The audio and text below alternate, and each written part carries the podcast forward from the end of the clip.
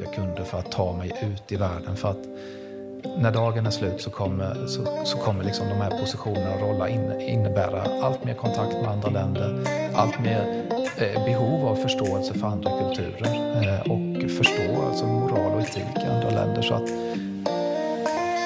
Varmt, varmt välkommen Daniel Johansson. Tack så mycket Alexander, kul att ha dig här idag. Otroligt kul att ha med dig på podden. Mår du bra idag? Jag mår toppenbra. Underbart. Solen skiner, fåglarna kvittrar. Som det ska vara i maj, eller hur? Helt underbart. Jag tänker vi hoppar på karriärstege eh, från start direkt. Från skolan till dagsläget. Hur, hur har vi växt upp? Hur har vi rört oss framåt i livet? Eh, och hur kom du dit du sitter idag? Ja, men vi, kan väl, vi kan väl börja med uppväxten då. Jag kommer från Lilla Virserum, ett samhälle i östra Småland. Det bor ungefär 2500 personer där. Eh, jag växte upp eh, med eh, min familj, mamma, pappa och bror i ett litet villaområde. Så det var skola och sedan på, utanför skolan så var det idrott som gällde för min del. Jag eh, spelade fotboll på sommarhalvåret och ishockey på vinterhalvåret. Så att dagarna gick ut på att komma hem från skolan, eh, in med skolväskan. Mamma hade serverat eh, bullar och saft. Så tryckte vi oss i det snabbt och sen var vi ute resten av dagen tills vi blev inropade för kvällsmat. Så att det, det, är väl det jag minns av min uppväxt. Liksom att det, var, det, var, det var skola och sen var det sport och spel och vänner som, som, som jag drev tiden med, så att säga. Du har pratat tidigare idag med mig om ett familjeföretag. Hur, hur var din roll i den som barn? Ja, men, eh, min pappa och min mamma givetvis också, men, men främst min pappa var, hade då ett, en egen verksamhet eh, inom färgvägg och golvbranschen.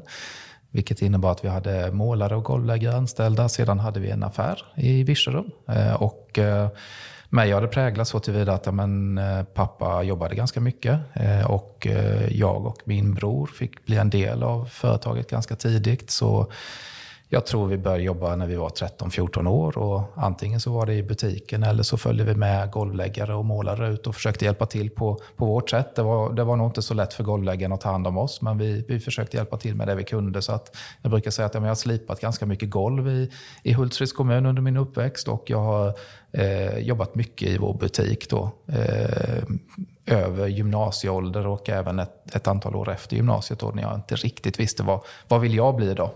Så stannade jag kvar och jobbade i vårt familjebolag. Så att, ja, men det har haft en väldigt, väldigt stor eh, inverkan på, på min uppväxt också. Vad har du tagit för lärdomar eh, utifrån din uppväxt inom idrott och din uppväxt inom bolaget?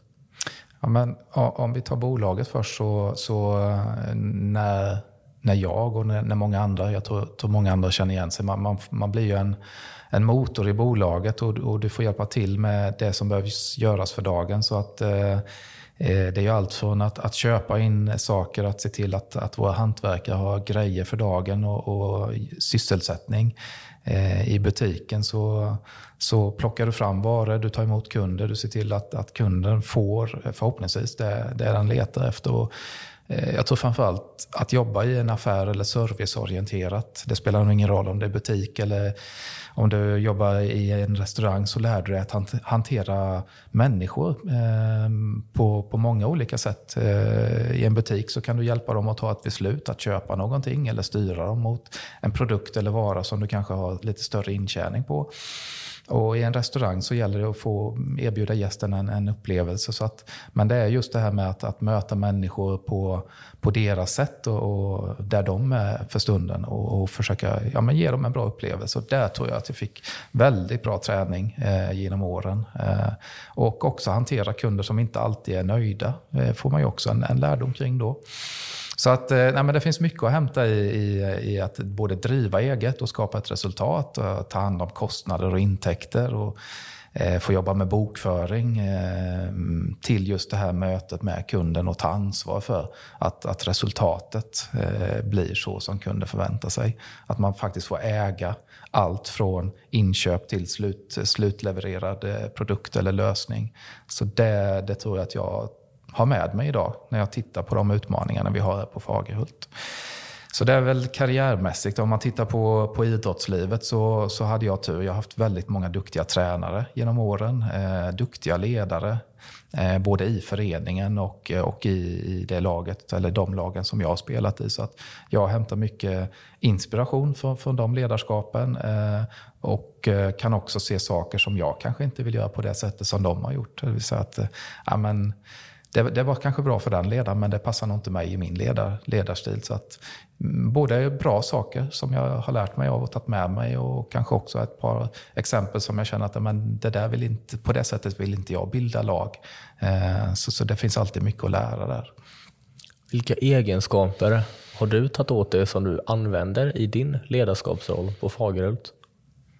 Ja, men jag tror det, utifrån den jag är och, och och att jag har varit en person som har dragit mig till lagidrotter så, så försöker jag alltid få eh, ja, men en grupp att samlas kring en uppgift eller ett uppdrag. Och, eh, framförallt så, så vill, vill jag i alla fall, och min ambition är att ja, men alla ska få vara den de är. Vi ska bara lära oss att hantera ja, men vad är det du är bra på och vilka personliga egenskaper kan du bidra med i den här gruppen? Eh, så att försöka förändra en personlighet, men det, det är ingenting som jag vill, vill jobba med, utan det handlar om att använda de olikheterna som vi har i våra team för att komma till det bästa möjliga resultatet hela tiden. Så att, eh, att, att, få spela på sin position där jag gör mitt allra bästa jobb, det är, det är någonting som jag har tagit med mig från eh, uppväxt och lagidrott. Eh, och ibland så, så har ju vi som företag möjlighet att, att spela våra spelare på absolut bästa sätt. Och ibland så, så finns inte den positionen ledig och, och då, då är ju vår uppgift att försöka hjälpa den medarbetaren eller ledaren vidare till nästa utmaning. Ibland är det utanför Fagerhult, ibland är det i ett annat bolag i Fagerhultsgruppen. Men, men just det här att kunna ha en öppen dialog och diskussion kring det. Att, men just här och nu så, så har vi möjligheten eller just här och nu så har vi inte möjligheten. Och det låter väldigt likt att du matchar just för Fagerhult. För Fagerhult strävar ju väldigt mycket efter bra service och högkvalitativ produkt. Och det är det du har sett i din uppväxt, i din, i din familjebolag. Bra produkter och du säger restaurangbransch, du säger servicebransch och där är det en upplevelse man säljer. Och då är ju just försäljningsdelen en väldigt stor del. Och sen tar du in lagidrott i ekvationen och lyfter fram det genom att den typen av ledarskap du vill driva på din position och den typ av position i allmänhet som man ser på olika bolag. Genom att leda med exempel och inte styra med, med järnridå.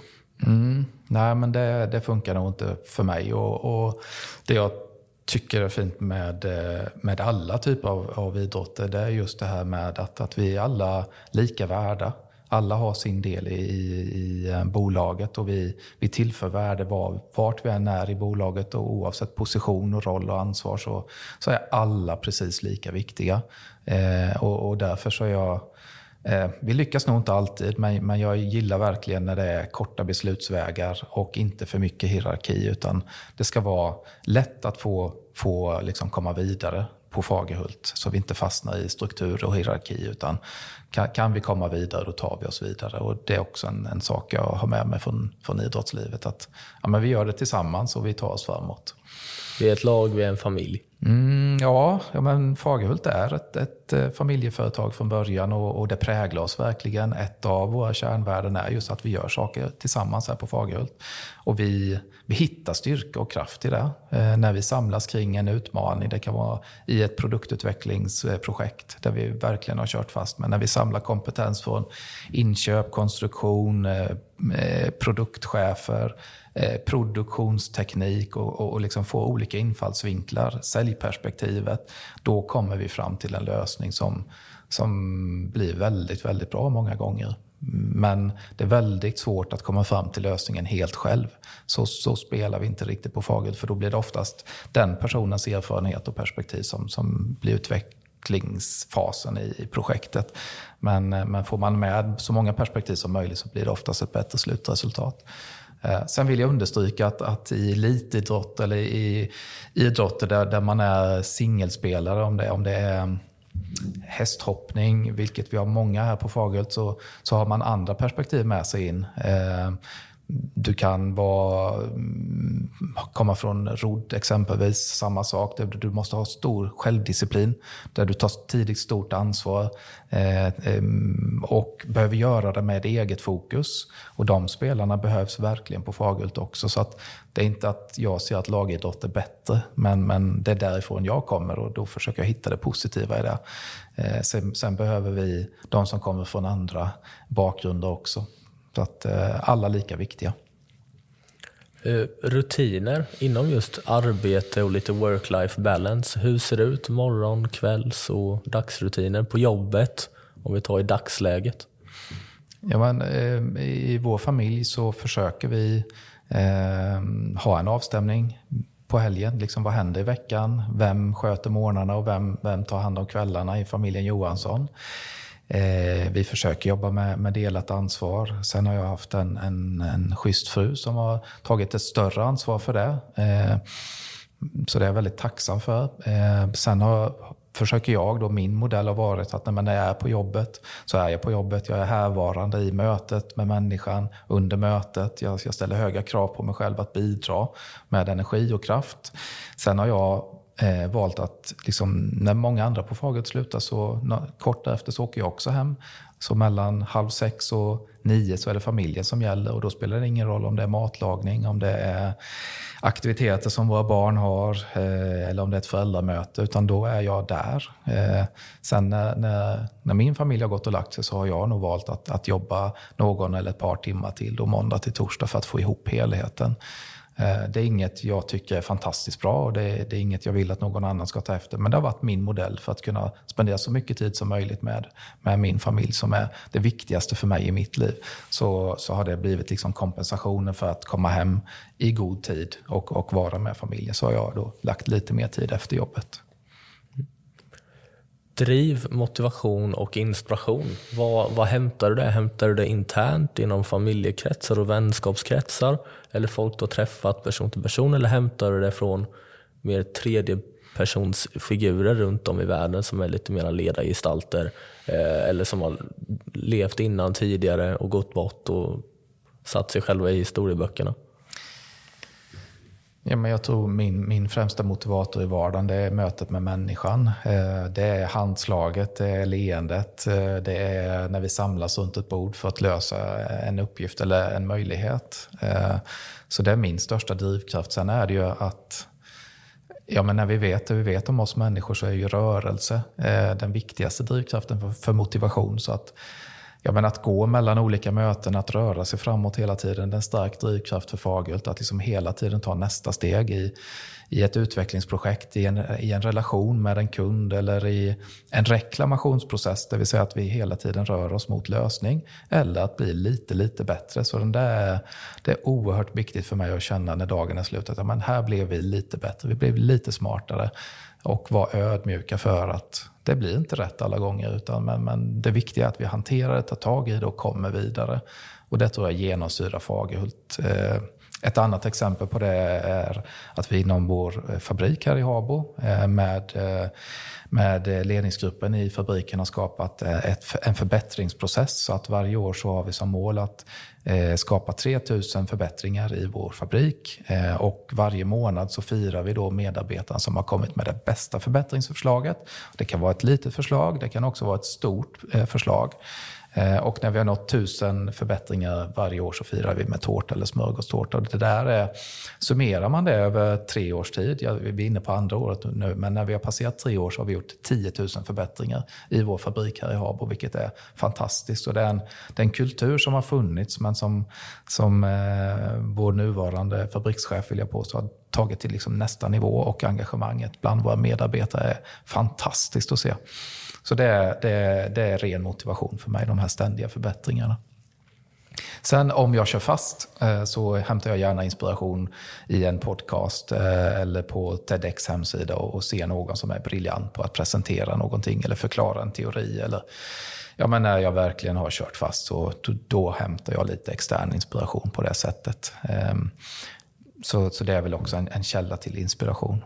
Sen har jag självklart, precis som alla andra, jag har närmre kollegor som jag anförtror mig till med mina utmaningar och problem. Och jag har många goda kollegor på Fagerhult. Jag känner mig verkligen som en i laget. Så att jag har många att bolla med. Och i det så hämtar jag också då kraft och motivation. Eh, att, att komma vidare med mig själv också om det skulle behövas. Och Det låter verkligen som att Fagerhult är Daniel Johansson och att Daniel Johansson är just Fagerhult. För att det låter som att det går handen i handske med alla visioner och alla mål och allt driv. Just det här ni har med förbättringar och lösningar och att ni ger rewards till den typen av handlingar går ju att länka väldigt tydligt till just lagsporter i din ungdom. Just det, vad gjorde man när man hade vunnit kuppen där i, i hockeyligan? Jo, man firade med salta pinnar och pommac. Det var det som gällde. Alla var hur lyckliga som helst. Spelade ju ingen roll överhuvudtaget egentligen när man vann en kupp när man var 12, 13, 14, 15 år. Mm. Men det är ju just det, den glädjen är ju en helt annan typ av glädje än att man bara säger ja men det var väl bra jobbat på något möte en tisdag. Just att man visar och lyfter fram de komponenterna som just är de pusselbitarna du beskriver runt om på bolaget som lyfter hela bolaget som helhet. Och att alla spelar sin roll och alla kan ha en otroligt viktig roll. Ja, men det, det stämmer. Jag, jag, bara en sak där. Fagerhult är definitivt inte Daniel Johansson. det, det, var det så du inledde, in, inledde här. Och, och för, det, för det, är, det är verkligen inte så. Jag är ju en av pusselbitarna och vi har, vi har liksom eh, nästan tusen hjältar knutna till det här varumärket och, och jag hoppas att många kan in, identifiera sig med vårt, eh, vårt bolag och vårt varumärke. Däremot så känner jag igen mig väldigt väl i våra kärnvärden. Det här med att göra saker tillsammans och att hela tiden jobba med innovation och kundfokus. Eh, och, och de som trivs med det, och jag är en av dem, de, de trivs ju verkligen på Fagerhult. Och sen det är klart, nu har jag varit här i över 15 år så att jag, jag ser det här som min stora familj. Eh, och jag vet att många delar den bilden och känslan som jobbar här på Fagerhult. Eh, så att, eh, men, men Fagerhult är definitivt inte Daniel. Eh, men jag, jag vill gärna vara en del av det här bolaget och jag trivs fantastiskt bra här. Och jag, ja, men jag har kul varje dag på jobbet och jag hoppas att många av mina kollegor känner samma sak. Det känns som att du är en spegelbild av alla deras värderingar. Ja, men jag känner igen mig mycket. Mm. Och eh, när jag jobbade på Polia i Jönköping så, så var ju Fagerhult en av de kunderna som jag samarbetade med. Eh, och jag jobbade med andra bolag i regionen också. Jag, jag, ska inte säga att jag, jag valde att börja jobba på Fagerhult. Däremot så så växte det fram en relation över, över tid. När jag hade jobbat som, som konsult med och tillsammans med Fagerhult under två års tid så, så kände jag att det här var en plats som jag skulle kunna trivas på. Eh, så när jag fick frågan om jag ville börja på Fagerhult så, så tog det inte så lång tid för mig att tacka ja till det erbjudandet. Så att, eh, ja, jag hade förmånen att få känna in vilka människor som jobbade här och känna kring produkterna och hållbarhetsfokuset och, och utifrån det kunna ta ett, liksom ett, ett sunt beslut att det är här jag vill vara. Och du ser otroligt lycklig ut när man kommer in och möter dig första gången. Du bara strålar ju att jag är på rätt ställe. ja, tack så jättemycket. Det, det gör mig väldigt glad att du säger så. Jag, eh, jag, jag, tror i grund och botten att jag är en ganska glad eh, personlighet. Och jag, jag har lätt att se det, de, liksom, de, de här små situationerna som händer varje dag. Jag har nära till skratt. Det är klart att det är jobbigt och svårt ibland, men, men eh, varje dag på Fagerhult är på något sätt en, en rolig dag. Eh, så det, jag är glad att, att du säger så. Och där är vi tillbaka och då hoppar vi in på träning. Hur ser det ut idag? Hur såg det ut för 25 år sedan? Hur såg det ut för ja, 15 år sedan? Ja, men just, just, träning var ju mer logiskt för 25 år sedan. Jag spelade både fotboll och ishockey under min uppväxt och jag fortsatte in i seniorhockey eh, och fotboll också. Så att det, det, där gav sig självt. Eh, var det inte fotboll så var det hockey och tvärtom. Då. Eh, sedan så ändrade det sig. Eh, när jag började plugga på högskola så slutade jag med hockeyn och fortsatte med fotbollen. Så jag spelade med ett kompisgäng Eh, där ett antal år. Sen när jag var strax under 30 så slutade jag med fotbollen för då kände jag att ja, men, då var jag färdig med det. Eh, jag eh, tränade på ganska bra fram till att vi fick vårt första barn och det är ju 15 år sedan nu då. Och där förändrades nog min träningscykel. Jag, jag jobbade en del, jag tog hand om familjen väldigt bra. Men träningen har nog blivit mindre och mindre under de här 15 åren. Så från att ha varit aktiv kanske inte alla dagar i veckan, så är det ju mer sällan än ofta jag tränar idag. Sen är jag djupt medveten om att jag borde lägga mer tid på det och jag, jag gör väl punktinsatser. Jag tror det jag jobbar med just nu, jag ska faktiskt cykla Vätternrundan eh, om en månad. Så jag försöker att hålla mig lite i form inför det. Eh, jag har fått slänga in det för att hitta motivationen att träna. Jag har många vänner som är duktiga på att träna som tar med mig på lite olika saker. Det kan vara cykel, det kan vara paddel, det kan vara eh, en gyminsats. Men jag är periodare och ibland dippar jag väldigt lågt med träning under en lång period.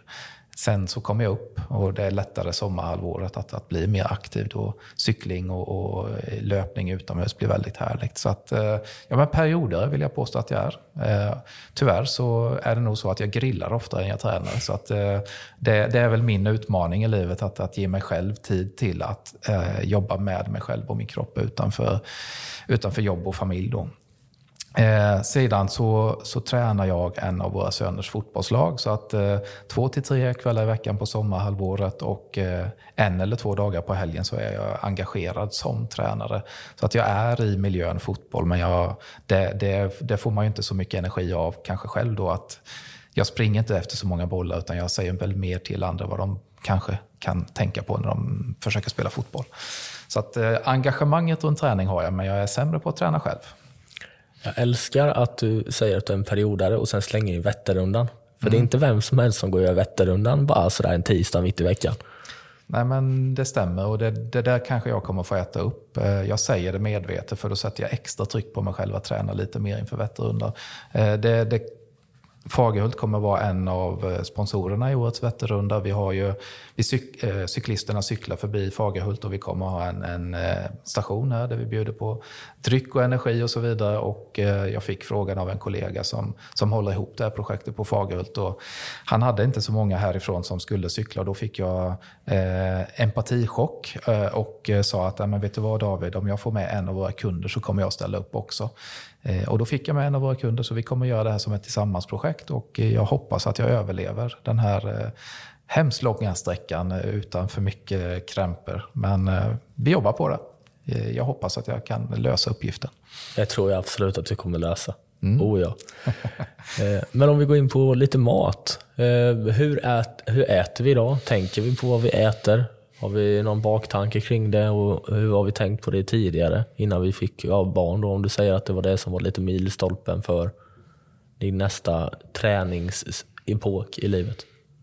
Ja, jag, jag, kan inte säga att jag varit speciellt medveten kring kost, det vill jag inte påstå. Men, men med eh, idrottslivet så, så har jag nog, jag har nog kunnat äta upp vad jag ville upp till jag var runt 30-35 år. Då, då, då spelade det ingen roll vad jag åt för jag, jag lyckades nog prestera både på jobb och på en eventuell fotbollsplan i alla fall. Eh, och, och kunskapen kring kost var nog inte så stor för 20-30 år sedan som den är idag.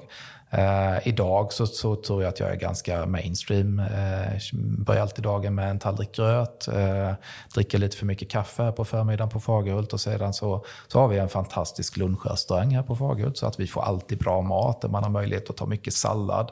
Så mycket grönt på tallriken på luncherna och sen käkar vi alltid en lagad middag i hemmet på kvällen.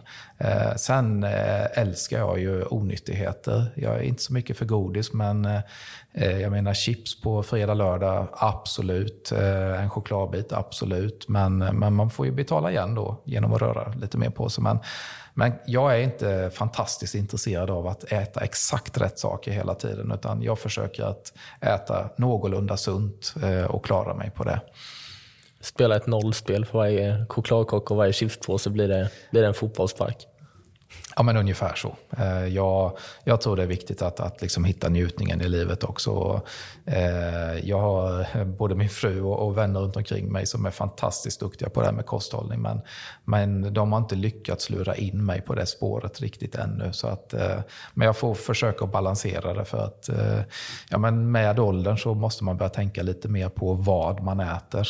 Det går inte att stoppa i sig vad som helst för att det, kroppen absorberar det, det, det förbränner inte utan det absorberar. Och på något sätt så är det väl viktigt att, att orka med vardagen och eh, om, om nu kosten är en viktig del av det så, så det går inte att äta vad som helst längre utan självklart får jag tänka mig för vad jag stoppar i mig. Eh, men, men sen att jag älskar att äta det onyttiga, så är det och så kommer det nog vara alltid. Så, men, men be mig inte om råd hur man lägger upp ett kostprogram för det, jag är helt fel person att, att prata med.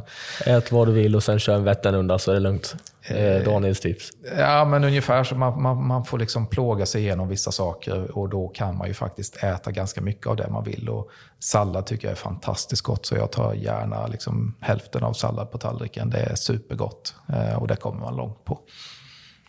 Eh, om vi går in på tips kring nätverk, yrkesområden och utbildning. Vad har du för tips kring nätverk om du pratar till någon i min ålder, eh, plus minus fem år? Då skulle jag säga att um, ja, men ni unga idag, ni, dels så får ni ju ett brett nätverk via er utbildning, eh, er uppväxt, er skoltid. Och, och jag tror att ehm, för vissa så är det naturligt att liksom behålla ett brett nätverk. Eh, man behöver inte vara bästa vänner, men man behöver ju heller inte försöka skapa sig ovänner. För, för när dagen är slut har du ett brett kontaktnät så kommer det att hjälpa dig genom livet. Eh, och mm, om jag ska ge något råd så handlar det väl om om man vill få en nära vän så handlar det om att ge väldigt mycket. Ge av sig själv, ge av sin tid. Hjälpa andra som behöver hjälp och inte bara foka på okej, okay, vad vad kan den här personen hjälpa mig med? Utan det handlar om, för mig handlar det om att vad jag är beredd att ge för att få, få den här personens vänskap eller intresse. Så, så att lära känna många under sin uppväxt, ja men det är naturligtvis jättebra. Eh, sen, sen tror jag inte man ska förväxla ett nätverk med en nära vänskap. För det är två skilda saker för mig. Mina nära vänner har, har jag haft med mig genom hela livet och sen har jag adderat eh, vänner längs med resans gång. Men men eh, en affärsrelation är inte detsamma som en nära vän för mig. Så, men, men, man får nog vårda vänskapen och, och, och, nätverket genom livet, det tror jag. Eh, och jag tror att nyfikenhet är en viktig ingrediens i det. Att testa på olika saker. Det vill säga, kan du jobba samtidigt som du läser på en högskola? Och det spelar inte så stor roll vad du gör, men en, en erfarenhet är McDonalds. Den är fantastisk. Där får du ett nätverk. Du lär känna människor när du jobbar. Du lär känna hastighet. Du, du får en träning för service. Eh, du får ta ansvar. Eh, och om det är att, att köra ut post så får du eh, liksom ett nätverk genom det. Du kan eh, välja att sälja försäkringar genom telefonbearbetning. Fantastiskt bra det också. Eller jobba på Elmia. Det spelar inte så stor roll vad du gör. Men, men gör gärna någonting med den här tiden som du inte pluggar. Eh, använd det för du kommer att skapa vänner för livet och du kommer att få ett bredare nätverk. Eh, sen kan det vara ett engagemang i ett, ett, liksom ett socialt sammanhang. Det, det, kan vara en idrottsförening, det kan vara en, eh, en förening som hjälper andra. Om vi säger Röda Korset, där har du ett annat nätverk. Men just att, att kanske försöka tänka, okej, okay, vad, vad kan jag få ut av det här? Vilka kan jag lära känna och hur kan jag hjälpa andra? Och därigenom så kommer du att få ett, ett brett och spännande nätverk. Så att jag tror mer det här att, att hoppa på lite olika tuvor och ta med sig de goda kontakterna och det som inte gav någon någon energi eller det, det, var bara ett givande eller ett, bara ett tagande från, från någon person, ja, men den personen kan ju du lämna då. Det, det är inget du behöver stanna fast vid. Eh, men, men det är ju alltid bättre att vårda kontakten och nätverket än att avsluta skulle jag säga. Så det, om, om det är ett tips eller ett råd, men att liksom ha brett perspektiv, att, att uh, lära känna många människor och, och försöka förstå hur kan jag, hur kan jag bidra till den här personen uh, och vad kan jag hjälpa till med? Så, så kommer mycket tillbaka. Och det låter som att du rekommenderar också att man vågar testa på olika saker i ung ålder. Ja, men det tror jag är superbra. Ja, om man har möjlighet eh, och förmåga och tid eh, att testa olika saker. Att, att sätta sig själv lite utanför trygghetszonen. Eh, för för de, de flesta människorna löser ju de flesta uppgifterna. Däremot så har de flesta människorna inte den här självkänslan eller tillit till sin förmåga. Men, men alla vi har anställt här på Fagerhult genom åren har ju löst uppgiften och många av dem har ju tagit nästa steg också.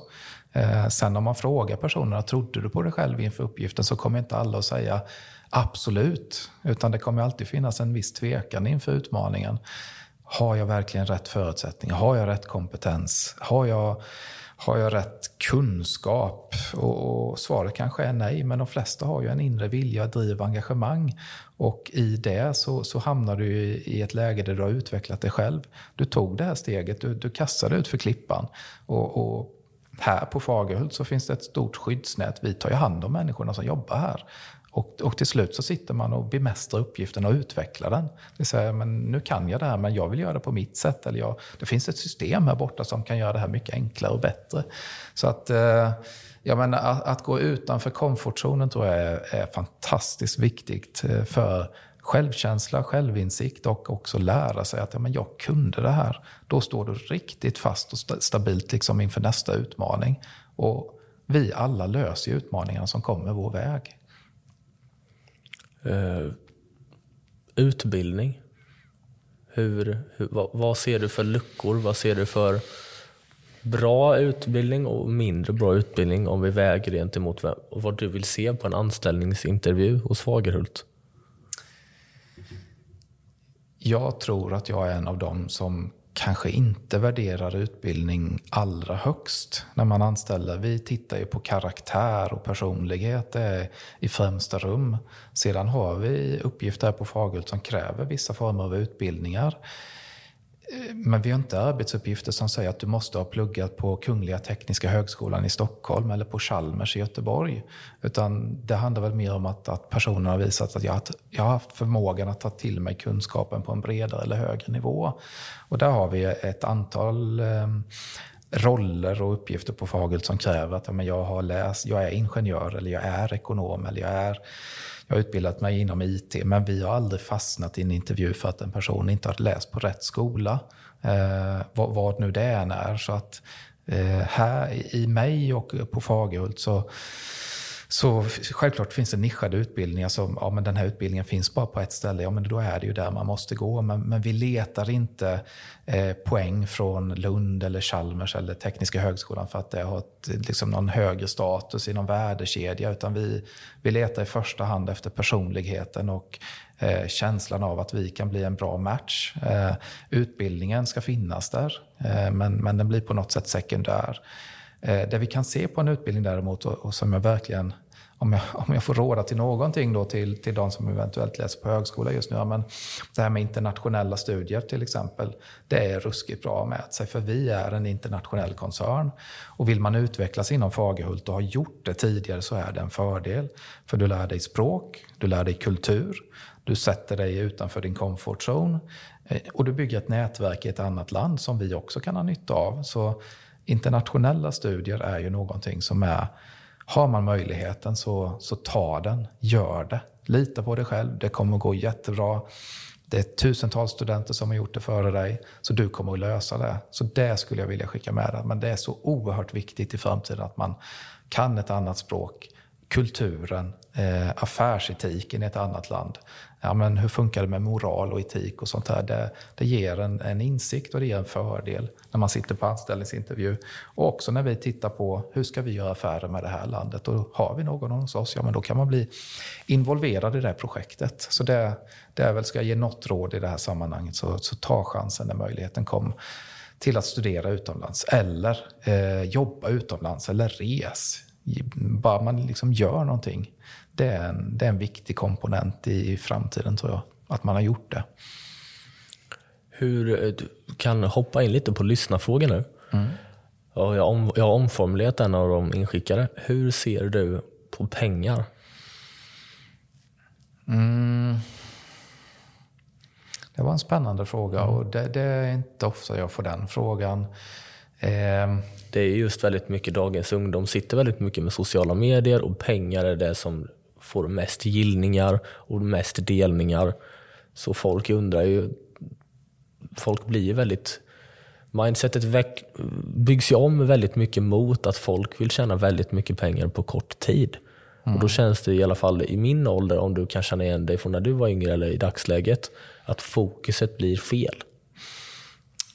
Ja, men jag, jag, jag, vill inte lägga mina värderingar i någon annans knä och är drivkraften pengar för någon så, så får det vara så.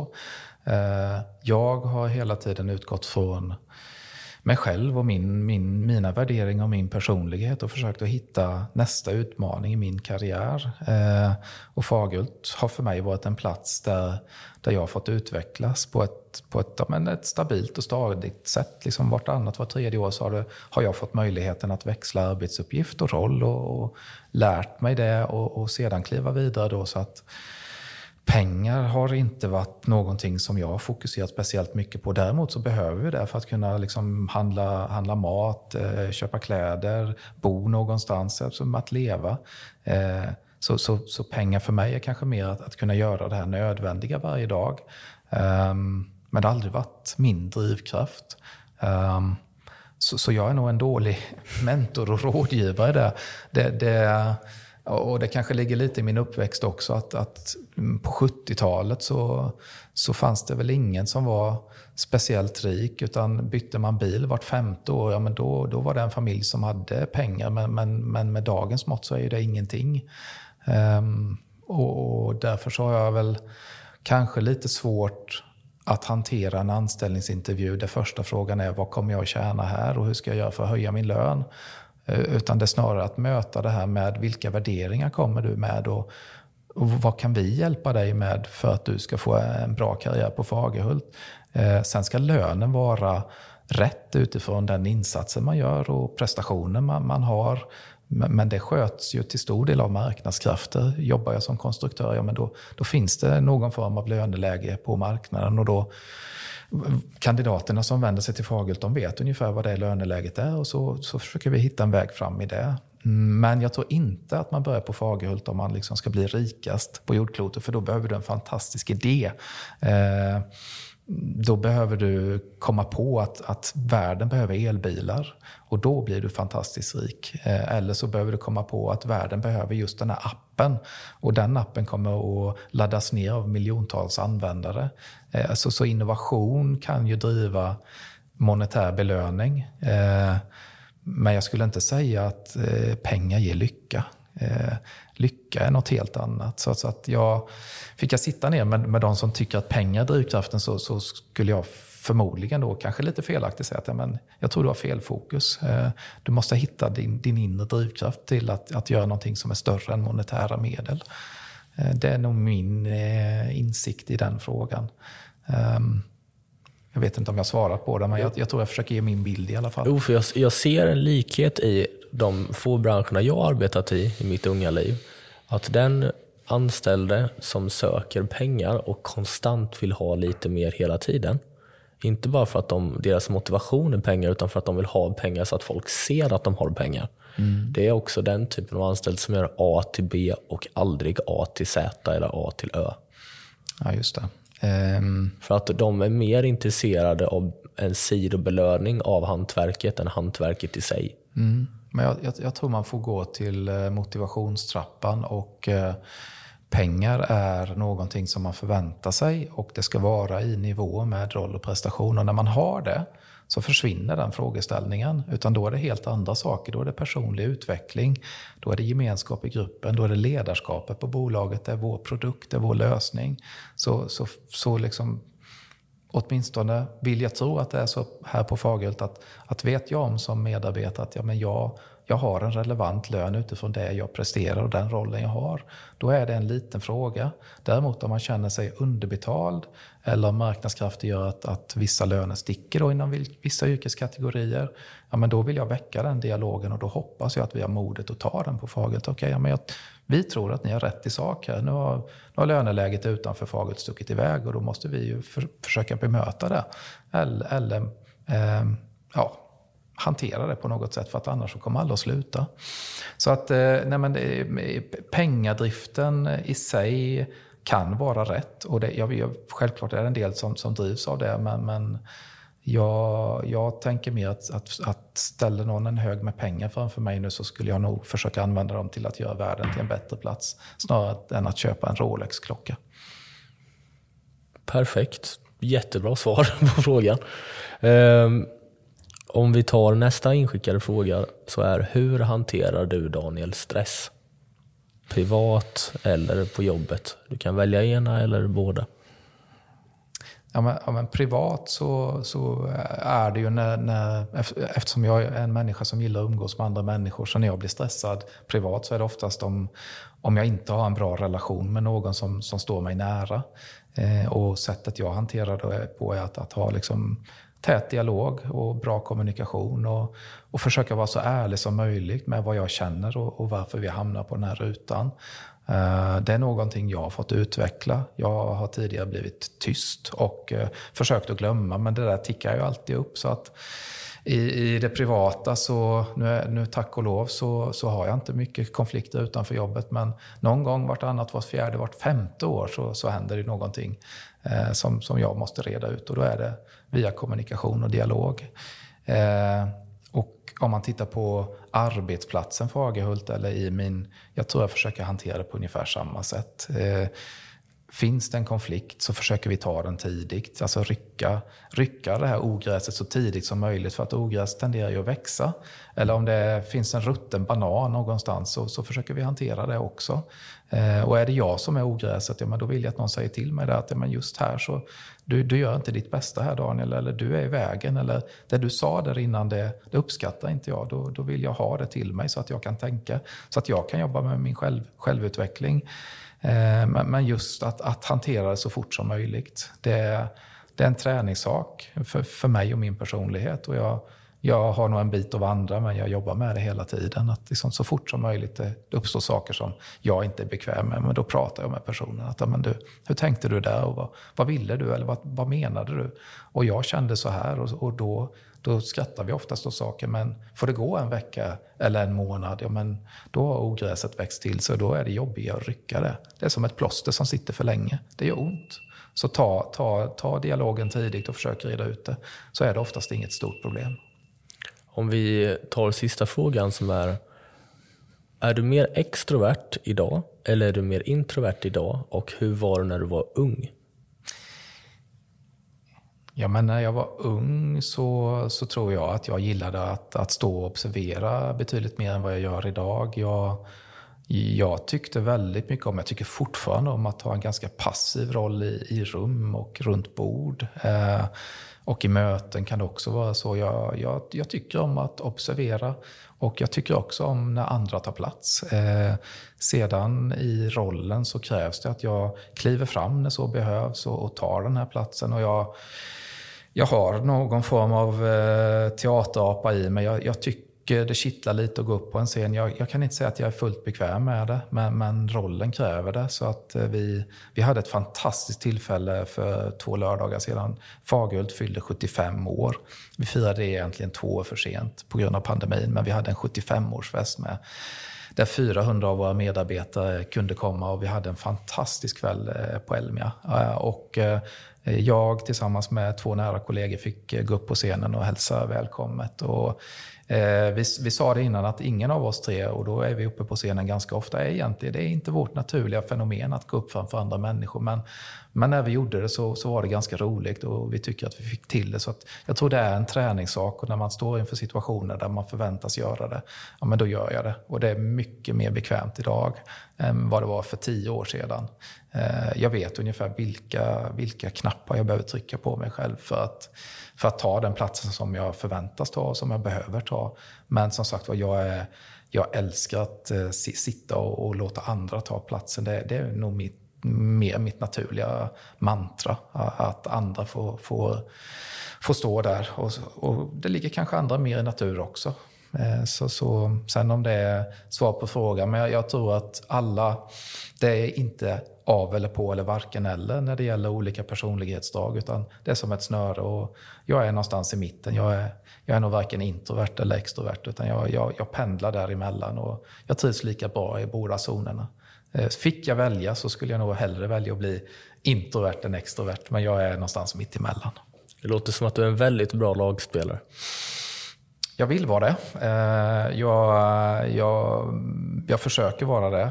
Sen misslyckas jag eh, med det också naturligtvis. Eh, men då har jag grymma kollegor i, i ledningsgrupp och, och nära kollegor också i andra funktioner och avdelningar som säger till mig att Daniel, nu, nu spelar du inte, nu liksom, nu är det skärpning här borta och så får vi ta det då.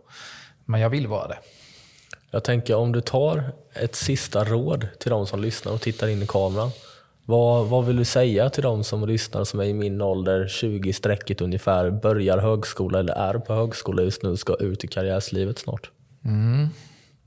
Och den är ju så himla svår. Eh, ett, ett endaste råd. Eh,